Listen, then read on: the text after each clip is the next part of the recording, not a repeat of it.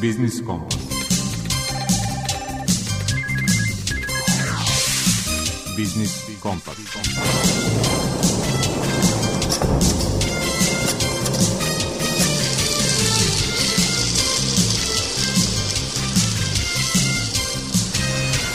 Pred mikrofonom je Đuro Vukelić.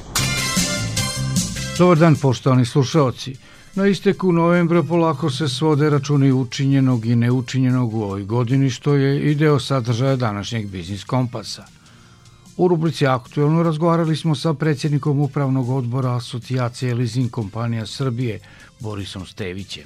Najvažnije, vrednost leasinga u Srbiji dostići će ove godine pola milijarde evra i bit će za 5% veća nego u pred-covidnoj 2019. Gost autor rubrike iz mog ugla je pokrajinski sekretar za regionalni razvoj, međuregionalnu saradnju i lokalnu samoupravu Aleksandar Sofić. Govorit će o projektima sekretarijata koji bi trebalo da doprinesu uravnoteženijem razvoju svih delova Vojvodine. Ugovori za nabavku opreme ženama preduzetnicima uručeni u pokrajinskoj vladi tema su rubrike Svet preduzetništva koju je pripremila koleginica Eva Tomović. Bliži se vreme intenzivnijeg dolaska dijaspore u naše krajeve i nije na odmet da saznamo sve o nedoumicama oko upotrebe platnih kartica inostranih banaka na bankomatima u Srbiji.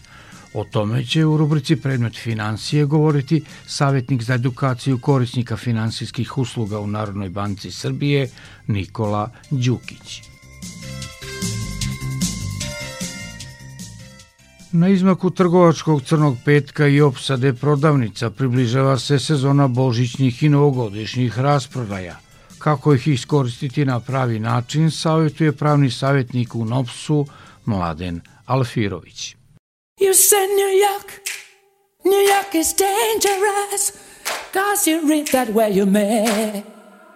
Even the blind man could see that's not so.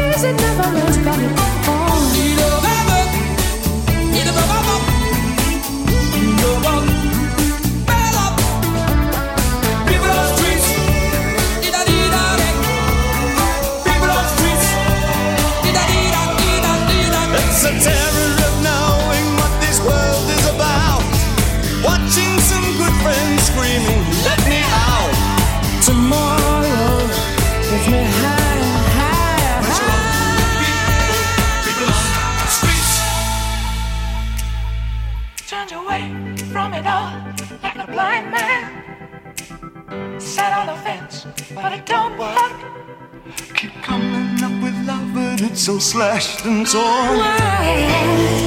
Why?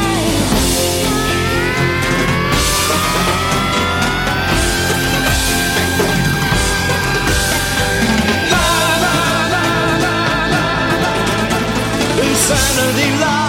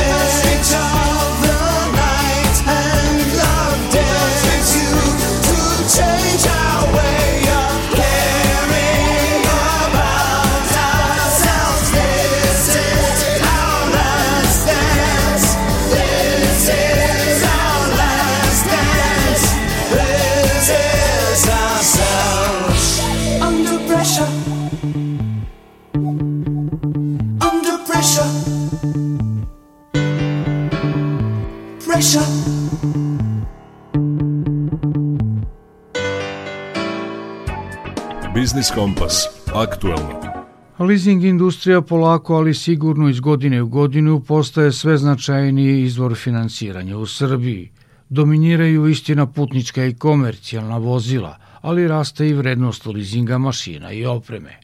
Predsjednika Upravnog odbora Asocijacije leasing kompanija Srbije Borisa Stevića pitali smo da li je na kraju trećeg kvartala leasing industrija ponovila rast. Prva tri kvartala ove godine ukupan nivo finansiranja finansijskog leasinga iznosi 402 miliona evra. To je negdje rast od 36,5% u odnosu na prošlu godinu, ali ono što je dobro, to je rast i u odnosu na 2019. godinu od 5% u godinu koju smo imali uh, pre krize. U strukturi novo zaključenih ugovora finansijski leasinga prevlađaju putnička vozila, potom i komercijalna, a svega 20% su mašine i oprema i najmanje 3% su nekretnine, bez obzira što tržište nekretnina izuzetno brzo raste. Zbog čega je to tako? Pa ove godine imamo malo drugačiju situaciju. Generalno leasing je proizvod negde namenjen najviše finansiranju tih, da kažem, pokretnih aseta putničkih i komercijalnih vozila, ali ove godine imamo situaciju da imamo 64% rasta u odnosu na prošlu godinu u finansiranju mašina i oprema, 30% u odnosu na komercijalna vozila i 28% kod putničkih vozila. I kod te finansiranja mašina i oprema najveći rast se desio u finansiranju građevinske mehanizacije, to je negde oko 77% u odnosu na prošlu godinu i građevinska mehanizacija je ukupno finansirana u iznosu 47 miliona evra za prva tri kvartala. Šta se dešava sa poljoprivrednom mehanizacijom i tu su velike potrebe za obnovu? Poljoprivredna mehanizacija je negde na istom nivou kao i ovaj, u 2019. godini ima blagi rast.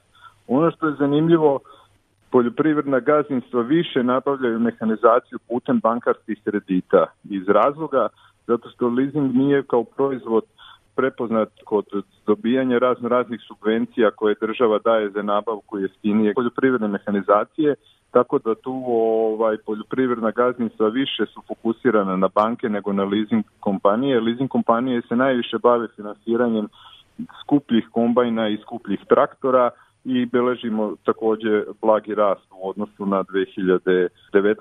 i na 2020. značajan rast u, u finansiranju politike subvencije, da li je to jedini razlog što se bankarski krediti i dalje nesrazmerno popularni u odnosu na leasing? Da, da, to je osnovni razlog. Leasing kao proizvod je jeftini proizvod od bankarskih kredita, nažalost e, zbog, zbog nemogućnosti korištenja subvencija prilikom nabavke poljoprivredne mehanizacije putem leasinga utiče da se poljoprivredna gazdinstva više okreću bankarskim kreditima nego finansijskom leasingu. U bankarskom sektoru imamo slučaj okrupnjavanja banaka, dakle banaka je sve manje, veće banke preuzimaju manje banke i sve manje tržišnih igrača. Da li je sličan slučaj što se tiče leasinga?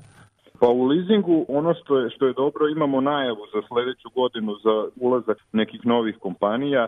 Takođe se desilo ovde i sa preuzimanjem određenih banaka da je došlo do spajanja nekih leasing kompanija. Praktično dva puta smo imali slučaj gde je došlo do međovanja banaka samim tim i leasing kompanija, ali ono što je dobro što imamo najavu i ulaska dva nova igrača na tržište finansijskog leasinga, što će sigurno uticati i na benefit za konkurentnost za krajnje korisnike leasinga.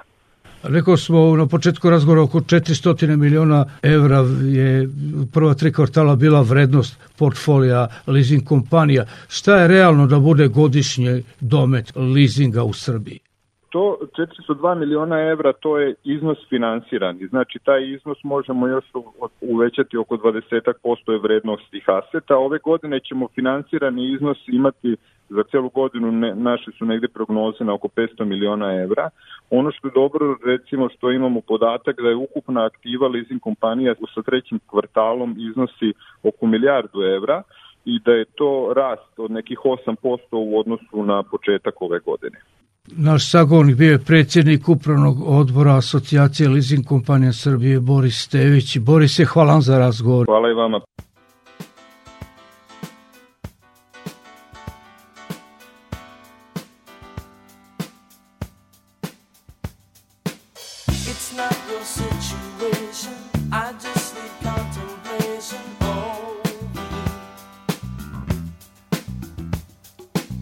I'm not so systematic.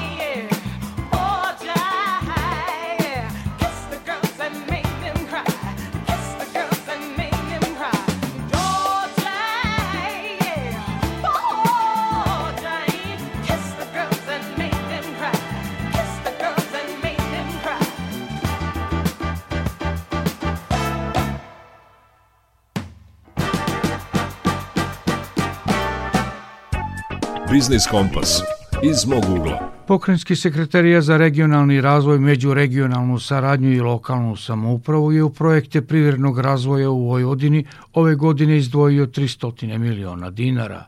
Plan za dogodine je dvostruko veći, najavljuje u rubrici iz mog ugla pokrenjski sekretar Aleksandar Sofić. Glavna mera podrške privrednom razvoju je bilo predjeljenih 263 miliona dinara podrška privrednim licima za kupovinu nove opreme i to je konkurs koji smo realizovali u prethodnih mesec dana nakon rebalansa su nam opredeljena bila ta sredstva. Da je jedan od strateških prioriteta pokrajinske vlade u narednom periodu podrška privrednom razvoju govori činjenica da je budžet e, pokrajinskog sekretarijata za regionalni razvoj, međuregionalnu saradnju i lokalnu samupravu za 2022. godinu u segmentu podrške privrednom razvoju predviđen u iznos od 660 miliona dinara, što je povećanje od preko 100% u odnosu na ovu tekuću godinu.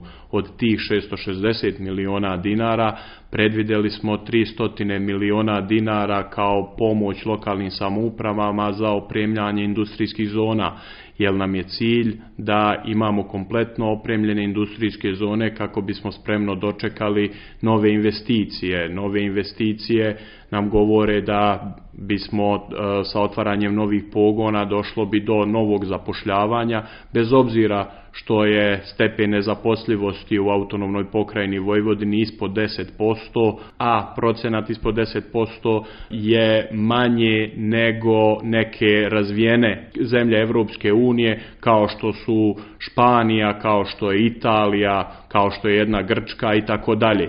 Nama je cilj da omogućimo nova radna mjesta, da taj procenat e, ide još dole, a samim tim da poboljšamo život e, građanima Vojvodine, što i jeste osnovna misija našeg postojanja.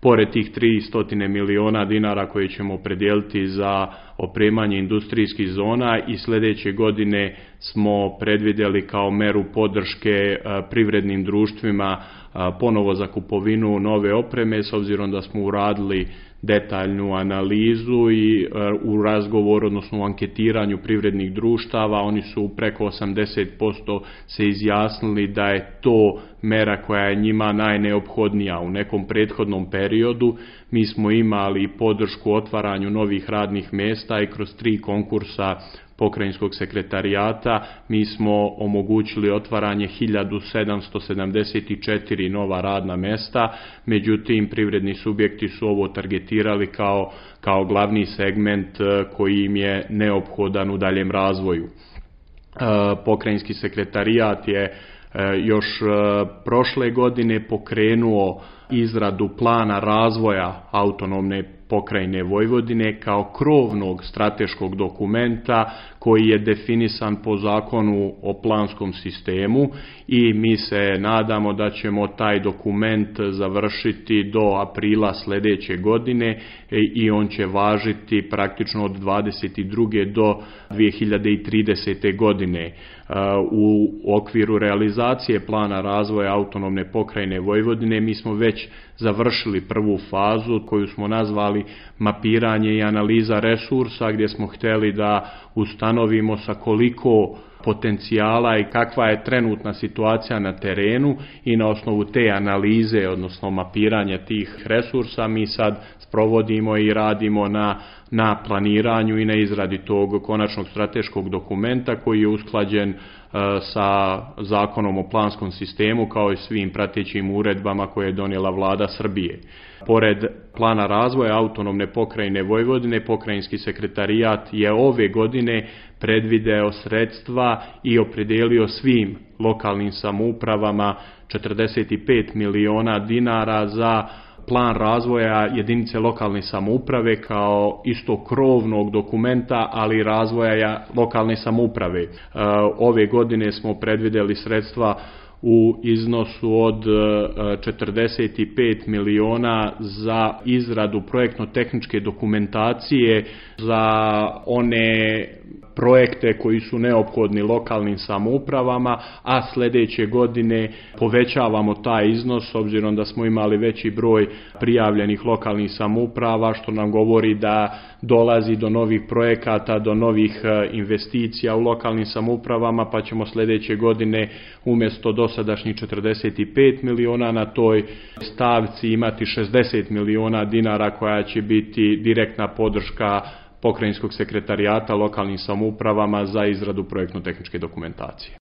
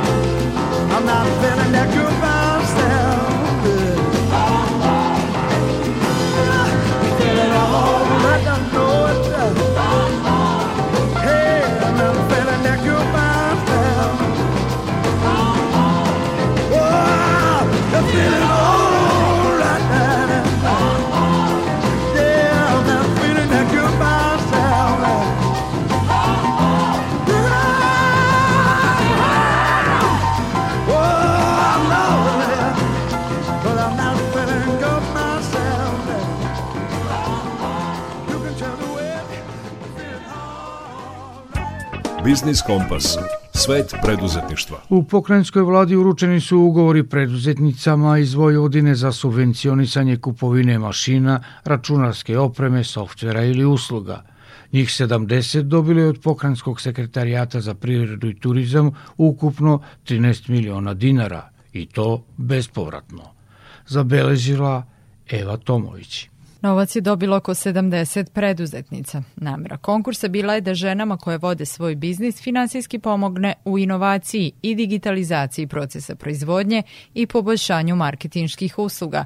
Preduzetnice kažu da im pomoć znači mnogo. Kupili smo kompjuter. Trenutno u ovoj situaciji znači nam puno jer prosto ugostitelji su najugroženiji sad u ovoj situaciji kad je korona. Tu smo uzeli jedan kompresor koji zapravo zamenili smo na veći kompresor koji pomaže uveliko u, u radu. Ova sredstva sam namenila za pravljenje web stranice, jer to se uvek nekako odlaže, uvek treba za nešto drugo, tako da sam za to iskoristila. Imam malu kuhinjicu i time se bavim već dve godine, tako da svakako u ovom trenutku i za vreme ove korone svaka ova novčana pomoć nam je dobro došla i puno nam znači. Pokrajinski sekretar za privredu i turizam Nenad Ivanišević je kazao da je podrška preduzetnicama veoma važna, ističući da je jedan od uslova konkursa bio da osim što su vlasnice, žene budu i donosioci odluka u firmi. Mi smo insistirali na upravljačkoj strukturi, da su žene upravljači u firmama, dakle ne samo da su vlasnici više od 51%, nego i da su jasni,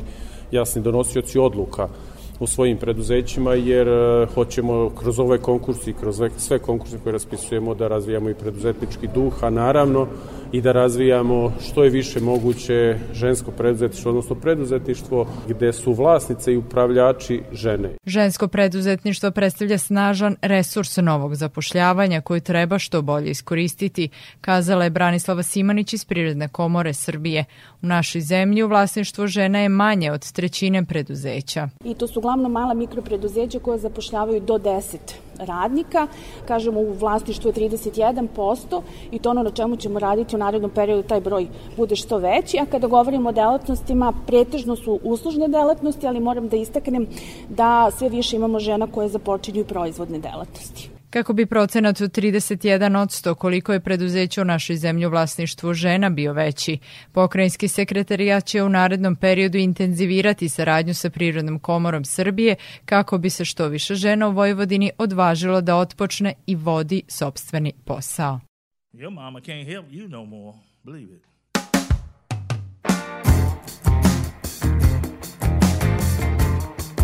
Well, well, well,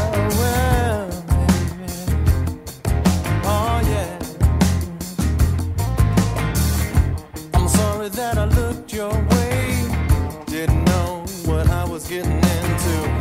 And everything I had to lose to get small enough to fit in your life. So I gotta sit down and think about it. Cause you're taking me out. I lost myself, nothing left to lose. I don't want no more shit now. And I'm tired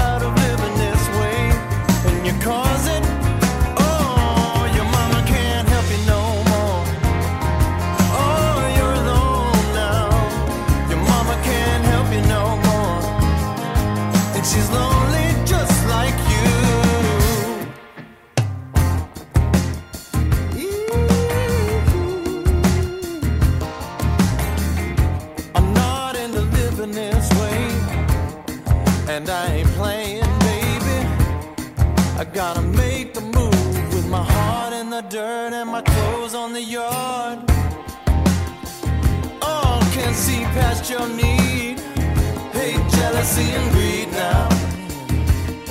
You take everything, and I'm out on the street. So why you still stirring up shit now? Aren't you tired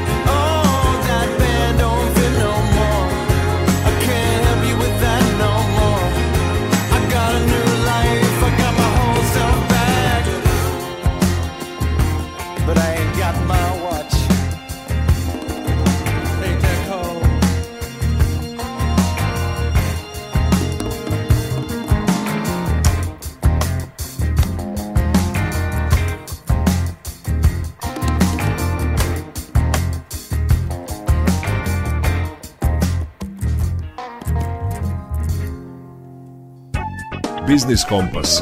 Predmet financije. Najčešće nedoumice koje prate upotrebu platnih kartica na bankomatima u Srbiji, poput visine provizije, zloupotrebe ili neuspešnih transakcija, tema su današnje rubrike Predmet financije. Kako postupiti ako vam, na primjer, bankomat ne isplati novac, a račun u inostranstvu vam bude zadužen za traženi iznos? Savetuje vas savjetnik za zaštitu korisnika finansijskih usluga u Narodnoj banci Srbije Nikola Đukić. S obzirom na to da je upotreba platnih kartica postala nezaobilazna u svakodnevnom životu i ponuda platnih kartica od banaka je, posebno kod stranih banaka, je sve bogatija i raznovrsnija. Kreditne i debitne kartice vam pružaju različite mogućnosti u zavisnosti od inostrane banke izdavaoca, a pored njih u ponudi su i kartice za plaćanje preko interneta i poklon kartice. Kao i kod upotrebe bilo kog drugog finanskog proizvoda, u banki koja mi izdala karticu treba da se raspitate koji su uslovi korišćenja kartice, načini njene upotrebe i koje su pravila u vezi sa njenom bezbednošću. Prilikom korišćenja platnih kartice banka naplaćuje različite vrste provizija u zavisnosti od toga o kojoj kartici se radi i gde se kartica koristi. Pošto danas govorimo o korišćenju bankomata, treba da imate u vidu da domaće banke ne naplaćuju proviziju za podizanje novca sa bankomata ako novac podižete debitnom karticom na bankomatima te banke. Međutim, ako odlučite da podijelite novac na bankomatu platnom karticom koja je izdata u inostranstvu od strane druge banke, dakle strane banke izdavaoca, postoji mogućnost da ćete biti u obavezi da platite određenu proviziju u matičnoj banci u inostranstvu, zavisno od visine naknade koju inostrana banka naplaćuje za tu uslugu. E, s druge strane, ako za podizanje gotovine koristite kreditnu karticu, treba da imate u vidu da ćete u svakom slučaju platiti proviziju, bilo da podižete novac na bankomatu vaše ili druge banke. Ova provizija se najčešće izražava u procentualnom iznosu novca koji ste podigli uz određeni minimalni iznos dodatne provizije. Uvijek treba da imate u vidu činjenicu da su kreditne kartice skuplje od debitnih u smislu korišćenja na bankomatu. Što se tiče potencijalnih bezbednostnih problema, ako primetite da ste izgubili, odnosno da su vam ukrali platnu karticu, treba odmah da obavestite vašu banku u inostranstvu i da zahtevate blokadu njene dalje upotrebe. E, jedan broj korisnika platnih kartica obratili su u prehodnom periodu Narodnoj banci Srbije sa primjedbom da bankomat u vlasništvu poslovne banke u Srbiji nije isplatio novac, a istovremeno je račun ovih korisnika u inostranstvu zadužen. E, u slučaju da vam se desi takva situacija, potrebno je da odmah uložite reklamaciju banki koja je vlasnik bankomata, dakle govorimo o domaćoj banci u Srbiji, koja je po primu vaše reklamacije, odnosno prigora, dužna odmah da postupi po vašoj žabi i utvrdi da li je jednokratna platna transakcija na bankomatu, kojoj se dakle podizali novac, izvršena ili ne. E, postoji slučajevi kada je platna transakcija samo delimično izvršena, što se dešava kada bankomat isplati manje novca od traženog iznosa, dok istovremeno vaš račun zadužen za pun iznos platne transakcije. Naime, s obzirom da je u ovom slučaju domaća banka ta koja je pružila platne usluge, pošto korisnik platne kartice njenom bankomatu zahteva izvršenje ove transakcije putem podizanja novca, banka koja je vlasnik bankomata je dužna da odmah po saznanju izvrši povraćaj novca na izvršene platne transakcije ili da se transakcija izvrši do kraja. To konkretno znači da će u slučaju pronađenog viška novca na bankomatu e, domaća banka izvršiti povraćaj novca na vaš račun u inostranstvu, ako ste tako zahtevali, inicirati storniranje platne transakcije ili će na vaš zahtev izvršiti platnu transakciju do kraja i isplatiti vam gotovinu. Ukoliko dakle postoji zaduženje na vašem računu u inostranstvu, a bankomat nije isplatio traženi novac i domaća banka odbije da izvrši povraćaj novca na ime neizvršene ili delimično neizvršene platne transakcije, nakon što ste već dostavili vašu reklamaciju, odnosno prigovor, potrebno je da se obratite Narodnoj banci Srbije i podneste pritužbu na rad banke vlasnika bankomata. Ako imate neke dodatne nedoumice oko korišćenja platnih kartica koje su izdate u inostranstvu, pogledajte još jedan ugovor o izdavanju i korišćenju platne kartice koji ste zaključili sa inostranom bankom.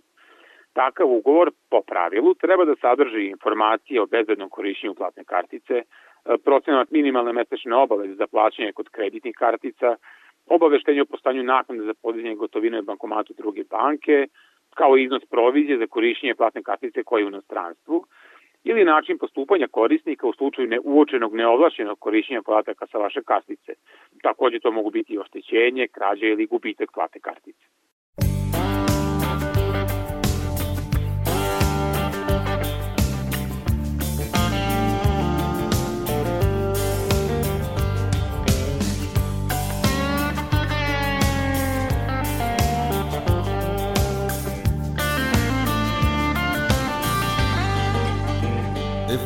We ought to be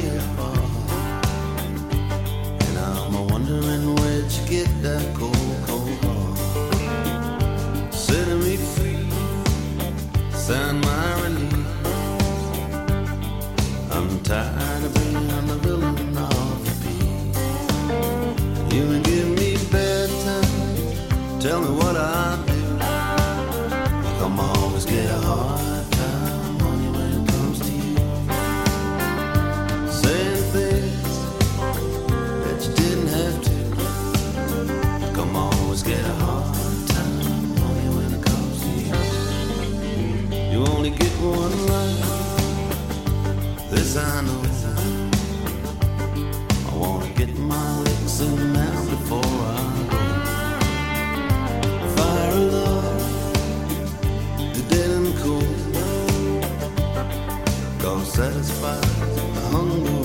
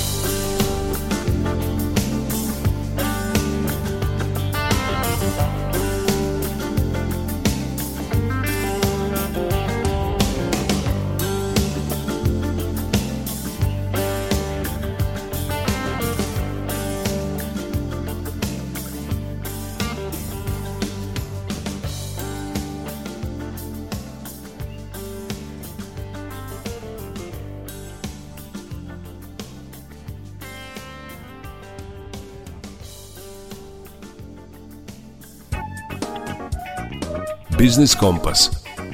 Potrošačka korpa prava.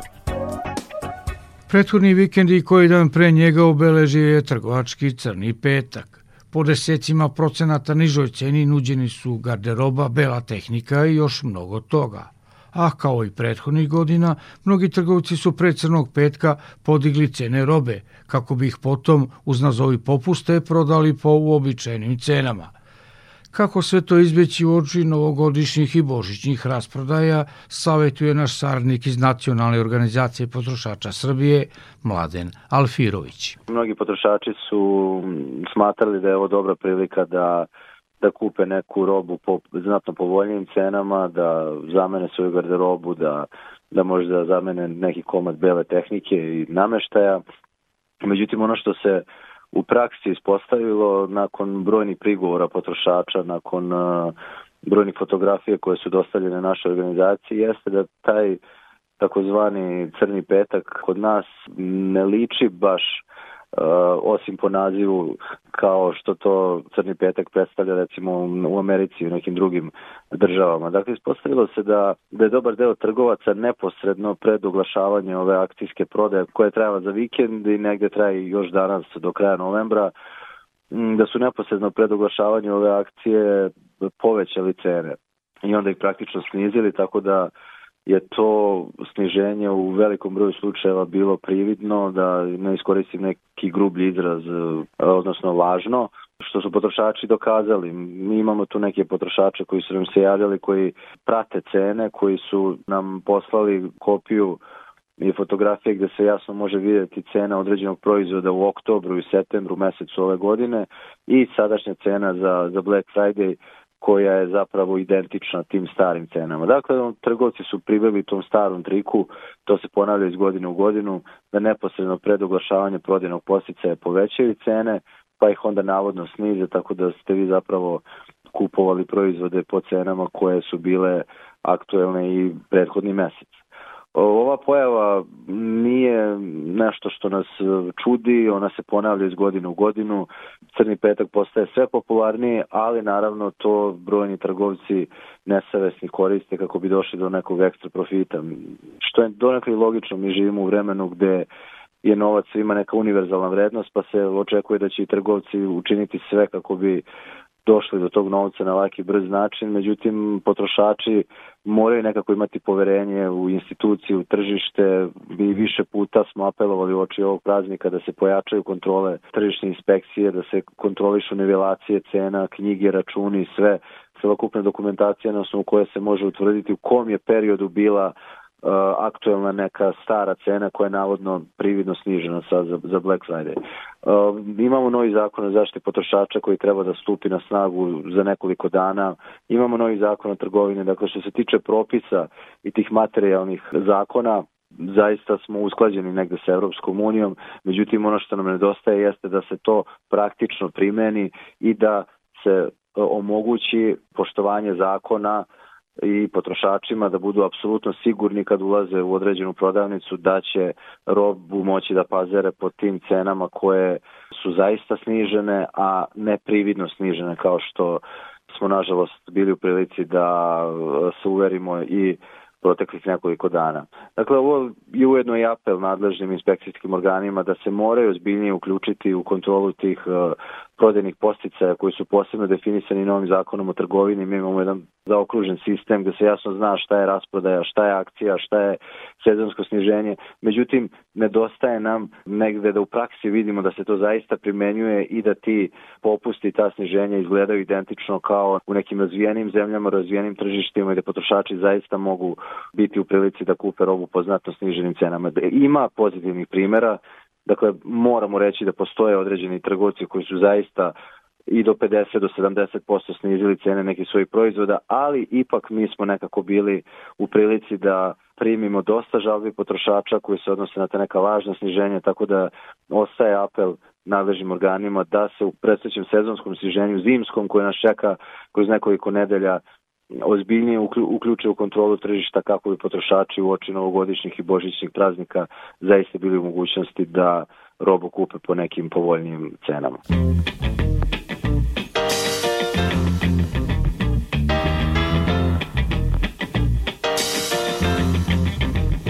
It's your thing. Do what you wanna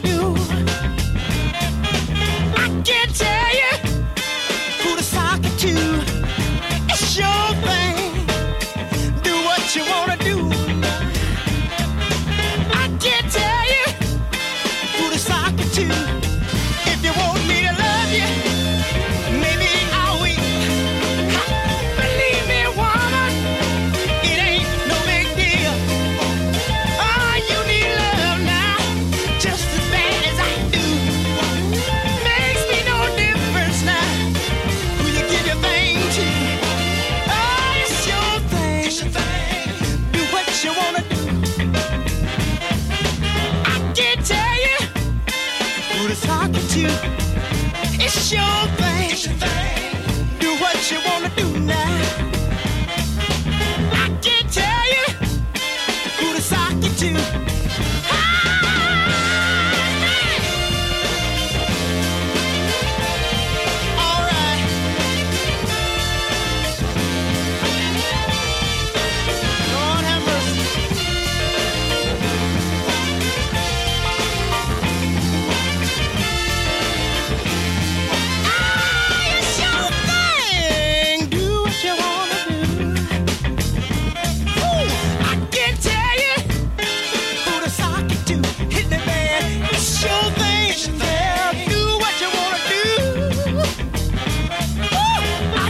share.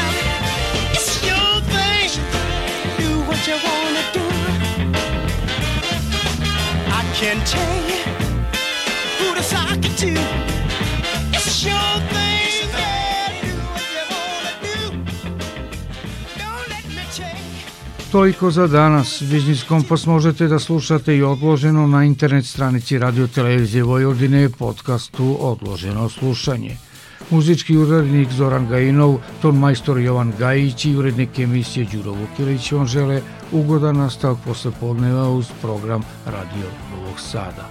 Naš novi sastanak uz Biznis Kompas je za sedam dana u isto vreme. Zdravi bili i čuvajte se.